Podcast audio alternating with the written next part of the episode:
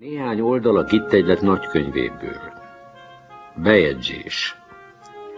A mai közgyűlésen a következő határozatokat hoztuk, és bejegyezzük őket ezennel az egyleti nagykönyvbe.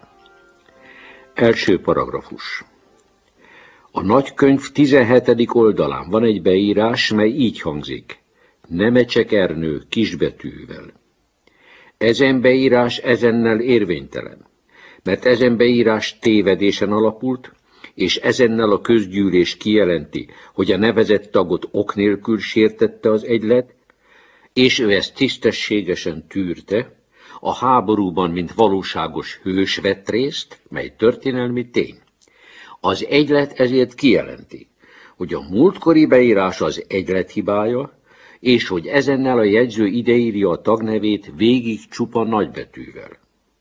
Második paragrafus. Ezennel beírom végig csupa nagybetűvel. Nemecsek Ernő. Leszik jegyző SK. Harmadik paragrafus.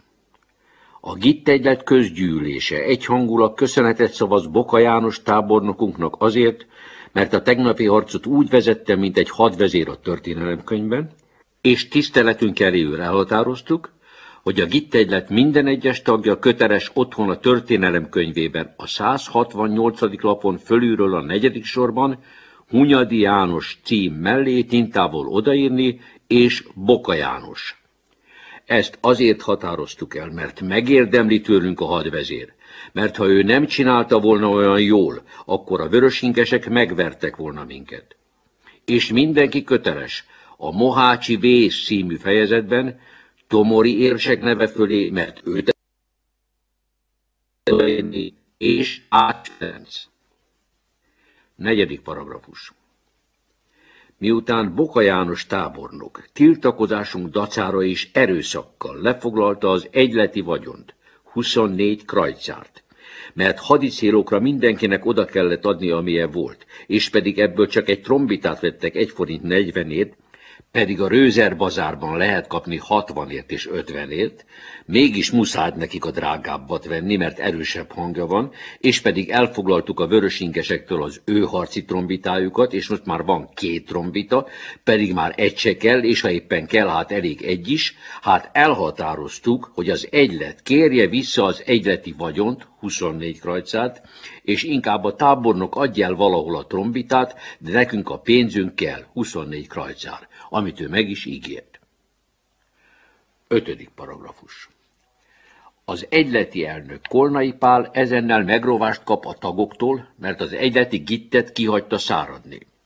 Miután a vitát jegyzőkönyvbe kell foglalni, a vitát ezennel jegyzőkönyvbe foglalom. Elnök. Én a gittet azért nem rágtam, mert a háborúval voltam elfoglalva. Barabás tag. Ja, ez nem kifogás. Elnök. Barabás mindig hetszel, és én rendre utasítom. Én szívesen megrágom a gittet, mert tudom, mi a tisztesség, és azért vagyok elnök, hogy rágjam az alapszabályok szerint, de hetszelni nem hagyom magamat. Barabás tag. Én nem hetszelek senkit. Elnök. De hetszelsz. Barabás tag. De nem. Elnök. De igen. Barabás tag. De nem. Elnök. Jó, legyen tied az utolsó. Richter tag, tisztelt egylet, én azt indítványozom, hogy az elnök ellen írjunk be a nagykönyvbe egy megrovást, mert elmulasztotta a kötelességét. A tagok. Úgy van, úgy van. Elnök, én csak arra hivatkozom, hogy most az egyszer bocsásson még meg nekem az egylet, legalább azért, mert tegnap olyan jól harcoltam, mint egy vad oroszlán, és én voltam a hadsegéd, és én a legnagyobb veszélyben kirohantam a sáncra, és lenyomott a földre az ellenség, és szenvedtem a birodalomért. Hát most miért szenvedjek még külön is, mert nem rágtam meg a gittet?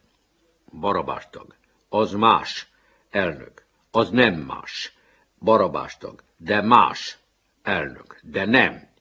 Barabástag. De igen. Elnök. Jó, legyen tied az utolsó. Richter tag. Kérem indítványom elfogadását. Egylet. Elfogadjuk, elfogadjuk.